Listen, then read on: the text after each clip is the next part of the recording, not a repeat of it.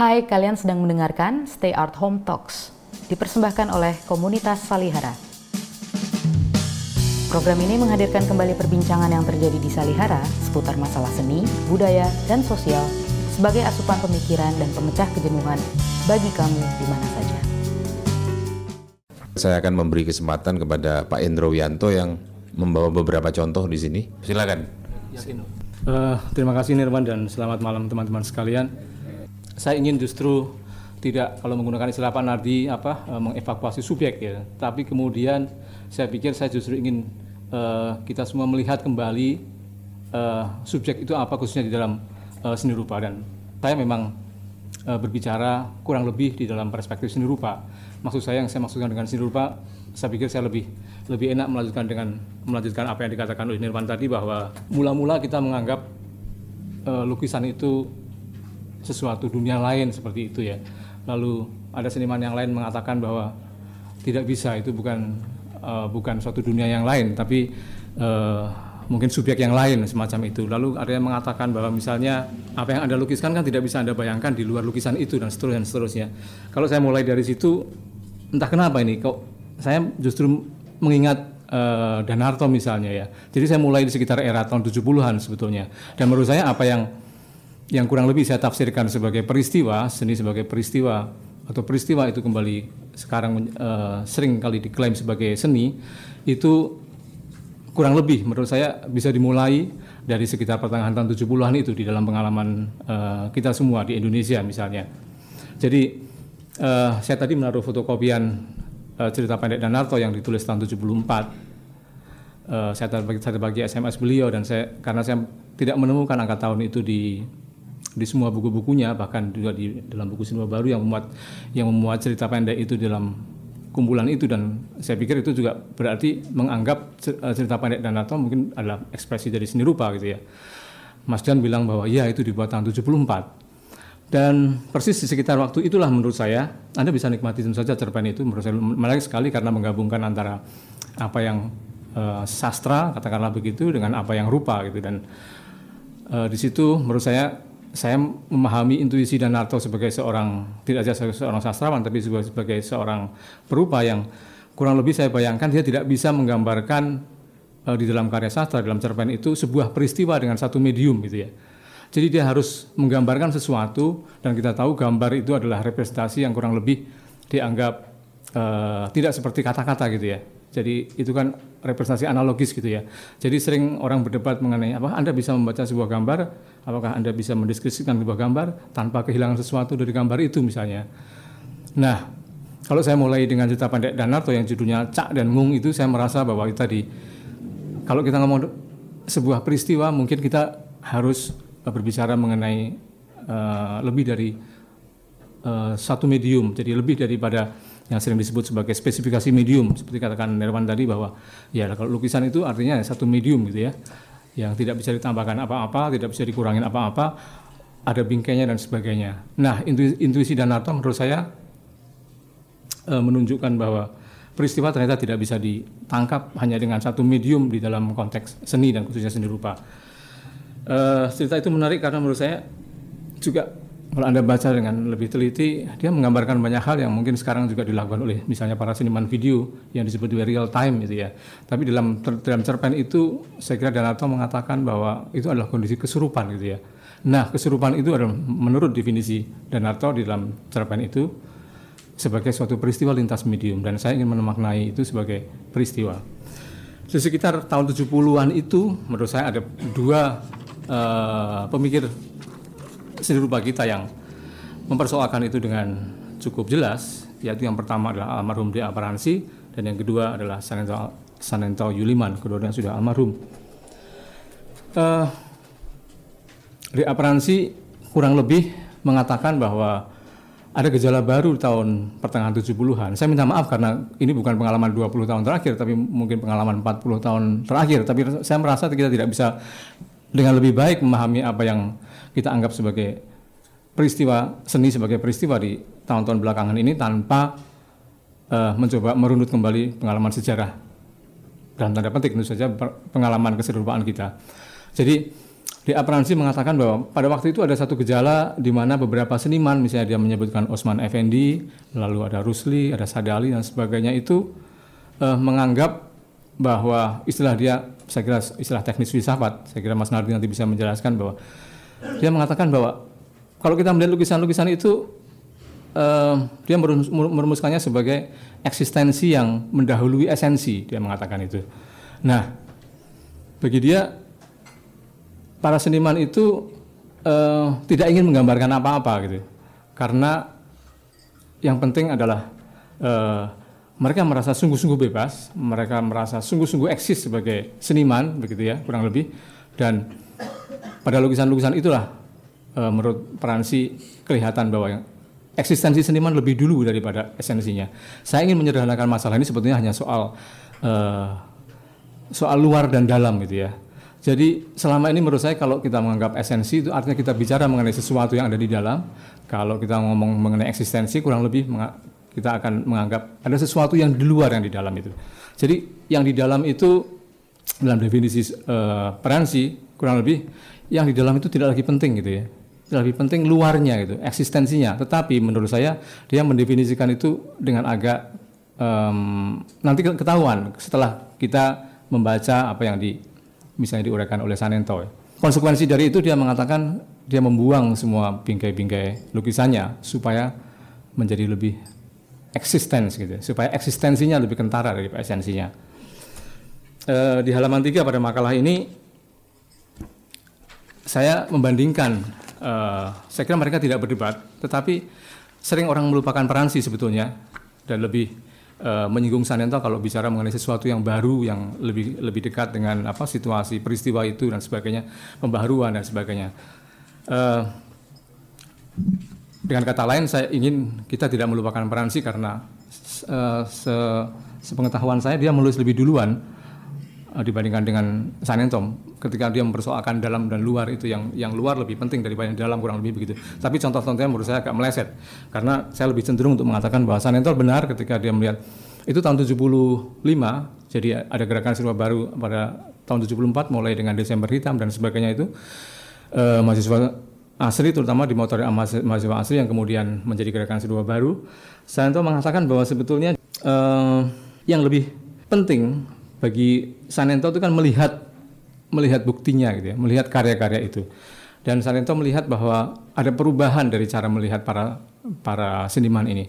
Mereka tidak lagi melihat ke dalam dalam istilahnya aparansi tadi esensinya, tetapi melihat sungguh-sungguh melihat keluar, melihat eh, benda-benda di luar, melihat situasi di luar, melihat objek-objek di luar dan itu kemudian dikatakan sebagai seni rupa dengan dalam tanda petik rupa baru.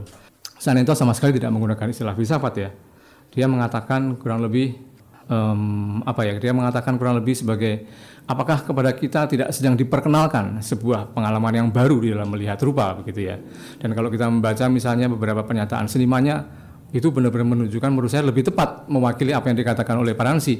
Misalnya Muryoto Hartoyo itu mengatakan bahwa bikin karya seni rupa itu kan kayak mecahin telur bikin martabak gitu ya, gampang sekali dan Harsono misalnya memberikan uh, apa pistol-pistolan uh, dari kerupuk gitu ya ditaruh di ruang pameran dan artinya persis seperti yang dikatakan Sanento um, eksistensi yang di, mendahului esensi seperti dikatakan Peransi tadi menurut saya lebih tepat diwakili oleh contoh-contoh gerakan seni baru tahun 75 sampai tahun 79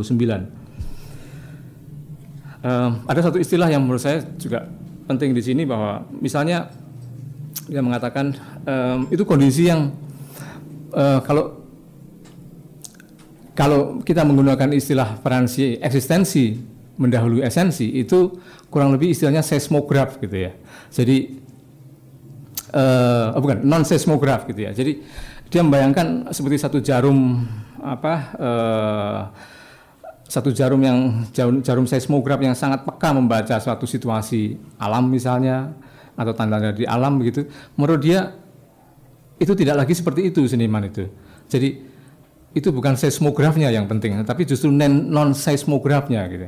Jadi kondisi yang tidak harus mengerahkan kepekaan seniman yang istilah separansi tadi uh, esensi itu lebih penting menurut Sanento. Dan itu dibenarkan oleh Jim.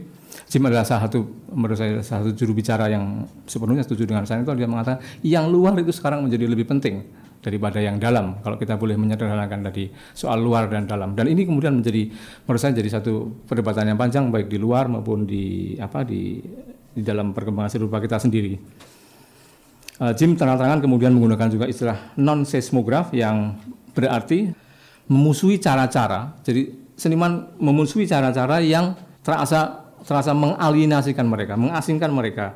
Yang disebut itu adalah bahasa yang sangat-sangat spesifik seperti yang disebutkan Irman tadi, lukisan dalam bingkai, patung yang harus menggunakan apa pedestal dan sebagainya itu sebut apa sesuatu yang uh, kondisi uh, eh, non seismograf yang lebih penting sekarang. Jadi sekali lagi kalau boleh sederhanakan yang luar itu lebih penting daripada yang dalam menurut uh, para seniman sekitar tahun 70 pertengahan 70-an itu.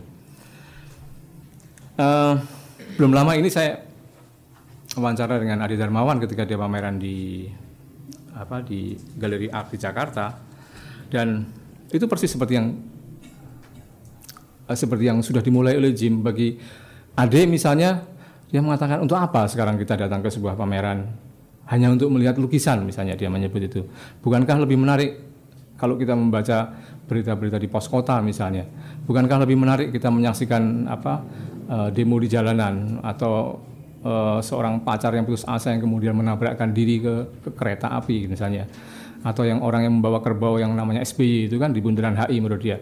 Itu seluruhnya menurut, menurut dia jauh lebih menarik daripada seni rupa. Jadi dengan itu saya ingin mengatakan bahwa kondisi luar itu tidak saja menjadi lebih penting seperti dikatakan oleh Jim Supangkat dan kawan-kawannya tahun 70-an tapi sekarang menjadi satu-satunya perhatian para seniman melalui omongannya Adi Darmawan. Dan kondisi non seismograf itu bagi Ade dia uh, tidak menyinggung itu, tapi um, ada satu pernyataan yang menurut saya menarik seperti ini misalnya. Saya lebih suka kalau saya memamerkan sebuah karya dan kemudian ada komentar dari penonton yang, oh gue bisa lo bikin karya itu. Jadi keawam-awaman gitu ya, sikap keawam-awaman, um, mungkin juga sikap innocence gitu ya. Menurut saya itu politik inosensia juga dari seniman yang bagi Ade itu lebih penting. Saya bertanya kenapa uh, kamu lebih tertarik memamerkan eh, karya yang dan juga artinya dengan sejak awal intensinya memang seperti itu. Saya ingin membuat karya bagaimana dengan yang saya bayangkan penonton akan mengatakan seperti itu. Saya bisa loh bikin karya itu. Nah, apa ini sebetulnya yang sedang terjadi? Uh, problem diametral antara luar dalam dan dalam luar itu diselesaikan dengan sepenuhnya berpihak kepada luar kepada penonton. Nah, di kalau kita lihat atau baca mengenai perkembangan sejarah seni di barat itu kurang lebih tahun sekitar 60-an ya, pertengahan 60-an itu terjadi debat yang mirip semacam itu. Saya coba misalnya di situ ada orang yang namanya Robert, Robert Morris, seorang seniman yang disebut minimalis dan kemudian satu seorang kritikus Michael Fried itu yang kedua-duanya apa berdebat soal itu. Bagi Morris itu sebetulnya uh, ya sama seperti yang dikatakan oleh Jim Supangkat, Sanento Yuliman, sampai ke Adi Darmawan dan Harsono itu, bahwa penonton itu menjadi menjadi bagian penting betul dari dari karya seorang seniman. Jadi saya kutip misalnya omongannya Robert Morris ya. Saya ingin menekankan bahwa benda-benda berada di dalam ruang bersama dengan seseorang, bersama si seniman itu. Bukan orang yang berada di dalam ruang lalu di, dikelilingi oleh benda-benda. Itu konsepsi dia. Jadi itu dikatakan oleh Freud sebagai seluruh situasi itu dibayangkan seperti sebuah teater gitu. Jadi apa? Uh, meskipun apa orang menaruh benda-benda misalnya dalam karya instalasi, tetapi kemudian benda-benda itu juga ikut seakan-akan ikut menentukan apa posisi seniman dan bagaimana seniman harus melihat benda-benda itu. Dan itu tidak mungkin menurut Freud dianggap sebagai seni lagi, itu teater dan yang disebut uh, kondisi non seni persis adalah teater. Dengan demikian maka seni bermusuhan dengan teater dan itu yang disebut kondisi objekhood gitu ya oleh Michael Freud. Nah, uh, Michael Freud mengatakan bahwa menanggapi omongan si Morris dia mengatakan bahwa apa yang salah dengan karya-karya seniman seperti Morris ini jelas bukan karena sifat antropomorfismenya karena di situ jelas ada penonton dan kemudian berinteraksi dengan karya-karya itu tapi maknanya dan ketersembunyian, jadi seakan-akan sifat itu disembunyikan pada karya-karya teatrikal itu dan itu sudah nggak mungkin lagi dianggap sebagai seni. Setelah Freud tidak bisa disembuhkan lagi, ya sudah berseberangan. Karena bagi Freud yang penting ketika melihat sebuah karya itu adalah suatu kondisi yang istilah dia instan instantaneousness gitu ya, kesegeraan gitu loh. Tidak perlu Anda bayang-bayangkan seperti Anda melihat teater kan ada durasinya gitu ya. Ada durasi pengalaman, kemudian ada bersentuhan dengan uh, macam-macam properti dan sebagainya. Kalau melihat lukisan bagi dia dan itu adalah ideologi modernisme mereka, kamu harus melihat itu sebagai satu kesegeraan. Jadi kamu menangkap itu dan kamu tidak tidak tidak perlu me, tidak perlu apa tidak perlu me, mengobjekkan itu gitu tidak perlu mengobjekkan itu susah sekali memang anda bayangkan tahun 75 itu Jim dengan jengkel sekali mengatakan bahwa susah beeng gitu ya untuk melihat karya seni dia. Itu persis karena dia mengatakan sebab sekarang misalnya begini loh. Anda kalau melihat sebuah lukisan burung gitu misalnya, Anda tuh nggak boleh membayangkan bahwa burung itu ada di luar lukisan itu. Anda Anda pernah melihat burung, nggak boleh begitu. Jadi subject matter yang namanya subject matter artinya tema atau pokok lukisan itu Anda bisa bayangkan di luar itu loh sebetulnya. Tapi itu nggak boleh Anda bayangkan misalnya saya melihat lukisan tadi di situ dengan beberapa kepala dan beberapa torehan dan orang-orang. Saya harus membayangkan itu bahwa seakan-akan di luar itu saya belum pernah mengalami pemandangan seperti itu, orang-orang seperti itu tidak boleh. Jadi Anda harus melihat itu sebagai sebuah sebuah fakta apa sebagai sebuah kenyataan yang sendiri yang dalam kata-kata Dirman tadi benar-benar dibingkai dan apa sesuatu itu muncul dari muncul dari karya itu bukan dari yang anda bayangkan tadi gitu loh. Nah di tahun tahun 50-an saya kira orang yang namanya Basuki Sobawa itu sudah mengatakan begitu. Kalau anda lihat lukisan poci itu anda nggak boleh membayangkannya sebagai poci beneran. Jadi istilah orang Jawa mungkin apa jelek nggak bisa dicacat, baik nggak bisa ditiru itu ya. Kurang lebih begitu ya. Kalau udah jelek, ya mungkin nggak bisa mengatakan jelek, marah mungkin seniman kalau mengatakan jelek ya. Kalau baik Anda juga nggak bisa meniru gitu kan. Sujaya juga mengatakan begitu kan. Jadi representasi itu menurut dia uh, begini Anda melihat burung gitu misalnya kan. Lalu burung itu Anda resapkan gitu ya, bagian dalam gitu kan, esensi yang berperansi tadi. Lalu dari situ Anda kemudian melihat, kemudian menghasilkan lukisan. Nah, lukisan itu Anda nggak bisa bayangkan lagi bahwa si seniman pernah melihat burung, susah kan gitu loh. Tapi itu yang disebut modernisme di dalam apa di dalam seni rupa itu seperti itu kurang lebih. Jadi sebetulnya menurut saya hanya soal tadi apa soal dalam dan luar. Apakah anda akan mementingkan yang luar, apakah Anda lebih mementingkan yang dalam, apakah yang keduanya berhubungan. Saya tadi tiba-tiba teringat begini loh kalau ngomong. Misalnya saya pernah menulis lalu kemudian dicetak dan sebagainya dibagikan. Saya berpikir Kenapa saya tidak bisa mengingat semua yang sudah saya tulis? Dan saya harus baca lagi. Artinya ketika saya menulis ini, ini sudah menjadi bagian dunia luar saya ternyata. Dan untuk mengembalikannya kepada diri saya sendiri, saya harus berhubungan lagi dengan dunia luar itu. Jadi memisahkan kedua-duanya secara tegas gitu ya, secara distintif gitu ya, kok rasanya ya nggak mungkin juga ya. Menurut saya yang luar, yang dalam itu selalu dipengaruhi yang luar, dan yang luar itu ya dari mana? Kalau tidak bisa dilihat melalui sesuatu yang mungkin kita anggap sebagai suatu sisi dalamnya gitu loh. Misalnya saya di depan mikrofon ini, saya tiba-tiba harus menyesuaikan diri bahwa saya harus ngomong uh, dengan nada sekian supaya nyampe supaya tidak tidak terlalu kencang dan supaya tidak terlalu lemah juga. Artinya udah otomatis ya, yang luar itu membentuk saya juga kan secara nggak sengaja, secara tanpa saya sadari gitu. Otomatis gitu loh. Saya begitu, saya misalnya mau minum dari ini kan, saya pasti melakukan satu gerakan yang kurang lebih saya pasti ditentukan oleh bentuk botol ini, kehadirannya, beratnya dan sebagainya sebagainya. Tetapi dalam seni rupa sekali lagi dua hal itu dibuat menjadi ekstrim sedemikian rupa sehingga yang satu mengatakan yang dalam lebih penting seperti tadi beransi tapi contohnya menurut saya sekali lagi agak keliru. Yang kedua eh, pada generasi Jim sampai ke Ade dan Maman mengatakan udah nggak penting lagi ya, menggunakan apa yang ada di dalam itu. Seluruhnya menjadi luar gitu ya. Dan di bagian akhir saya mengatakan bahwa rupa-rupanya memang kita diasingkan. Ketika seluruhnya menjadi luar kita menjadi bagian yang terluar dari yang paling luar itu. Repot sekali jadinya kan repot sekali artinya itu posisi penonton jadi kurang lebih kalau anda membaca semua tulisan-tulisan uh, para ahli filsafat seni gitu ya di Indonesia itu yang menulis tentang seni tapi dari kalangan filsafat itu kurang lebih mereka pasti akan mengatakan sudah bubar gitu seni rupa itu bubar. Jadi pengalaman mengenai bubar itu. Artinya sudah nggak bisa lagi Anda menikmati sebagai seni, Anda nggak bisa lagi mengharapkan ada keindahan di situ, Anda nggak bisa lagi mengharapkan apa representasi di situ misalnya. Jadi bubar gitu ya. Nah ini yang kemudian kalau um, nah setelah bubar itu terus kemudian lalu orang akan mulai dengan apa gitu. Jim pernah mengatakan seni rupa kontemporer itu ruang kosong sekarang. Jadi Anda boleh saya bayangkan Anda boleh mengisi apa saja dengan itu termasuk peristiwa. Dan seni sudah sepenuhnya menjadi peristiwa di barat itu tahun 60-an ada orang namanya Alan Kapro itu yang disinggung Nirwan tadi sebagai happening itu dia mengatakan, "Loh, bukan yang yang dibu, yang bu, peristiwa itu bukan eh, seni itu bukan lagi ilusi dari peristiwa, bukan. Ya sudah peristiwa itu sendiri menjadi seni. Jadi terutama misalnya pada performance misalnya akan jelas sekali bahwa juga pada happening itu saja yang melibatkan penonton dan sebagainya.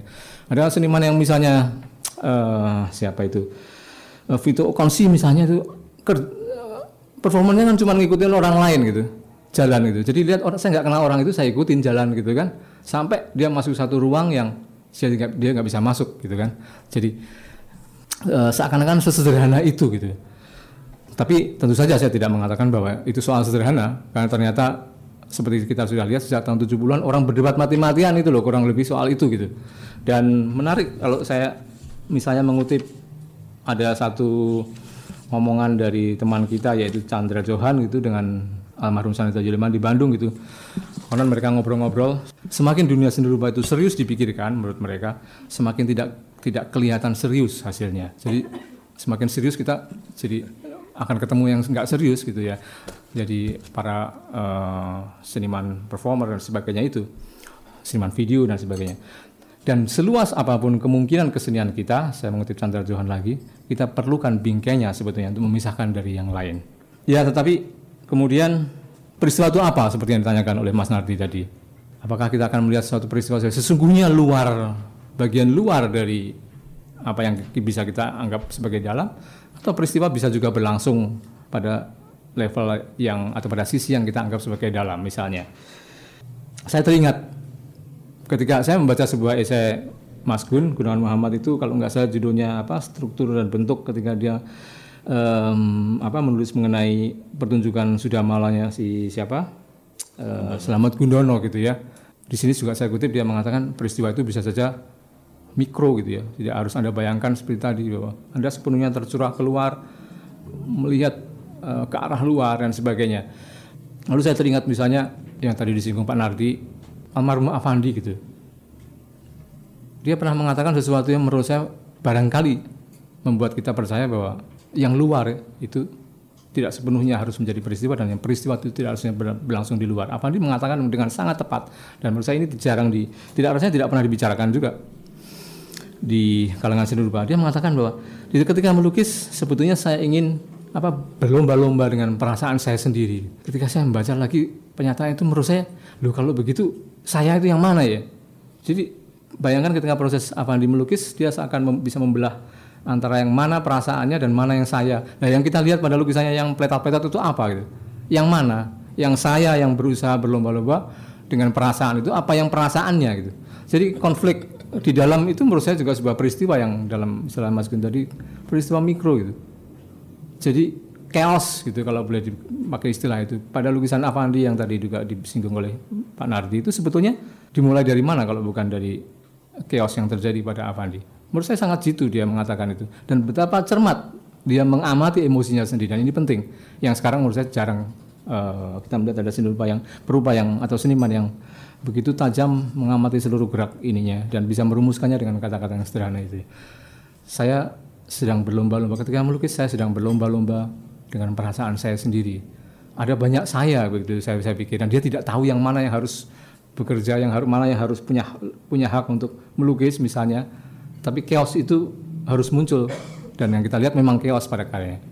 Nah, jadi menurut saya uh, Mas Panardi punya tadi katanya punya punya apa punya manifesto atau punya statement gitu ya. Saya juga punya statement seperti, seperti itulah. Jadi harus sama-sama punya Mas ya. Jadi jangan-jangan memang kalau kita hanya mementingkan yang luar sebagai peristiwa kita hanya akan sungguh-sungguh ber, berada di sisi yang paling luar dari yang luar. Dan dengan pengalaman kita sehari-hari menurut saya kok kita sebetulnya memang sebagian ditentukan oleh dunia luar itu dengan otomatis gitu ya. Jadi bukan membatasi tapi memungkinkan atau memediasi gitu ya. Tapi apa iya bahwa untuk menjadi peristiwa itu sepenuhnya harus melihat keluar atau mementingkan sepenuhnya yang luar ketimbang yang di bagian dalam.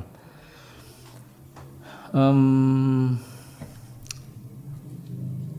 ya, saya menyinggung soal-soal apa yang disebut apa sudut Avanka dan sebagainya. Ada beberapa contoh uh, performance yang dilakukan oleh uh, beberapa seniman di Bandung. Misalnya tahun 75 itu ada seorang seniman yang memanjat memanjat apa planetarium di kompleks Taman Ismail Marzuki itu. Dan kemudian ketika ditanya dia mengatakan dulu itu pengalaman total mengenai kesia-siaan itu ya ketika seperti itu ketika dia mencabut pohon seluruhnya sampai ke akarnya dan memamerkan ke pohon dan memamerkan ke sebuah galeri misalnya galeri Sumarja waktu itu. Bukan ketika melukis benar juga ya. Tapi jenis totalitas apa misalnya yang dibayangkan yang kita bisa kita bayangkan antara misalnya tadi apa chaos pada Avandi dan chaos pada beberapa seniman seperti yang dimulai oleh Sri Baru misalnya. Um, sebuah bahaya menurut saya kalau apa hmm, misalnya uh, kios itu tidak sungguh-sungguh apa tidak sungguh-sungguh disadari katakanlah seperti itu ya saya mengutip pernyataannya Tisna Sanjaya misalnya Tisna sebagai Sanjaya mengatakan bahwa misalnya begini Anda perhatikan pernyataan dia ya paket kesenianku saat ini tentang pengujian kembali masalah-masalah sosial, moral, agama, politik, estetika dan sebagainya. Bisa jadi karyaku adalah cerminan keberadaanku kini respon, kepedulian, atau mungkin ketidakpedulian. Gitu. Jadi pernyataan ini nggak bisa kita pahami ya sebetulnya ya. Loh, sebetulnya dia peduli apa enggak gitu kan.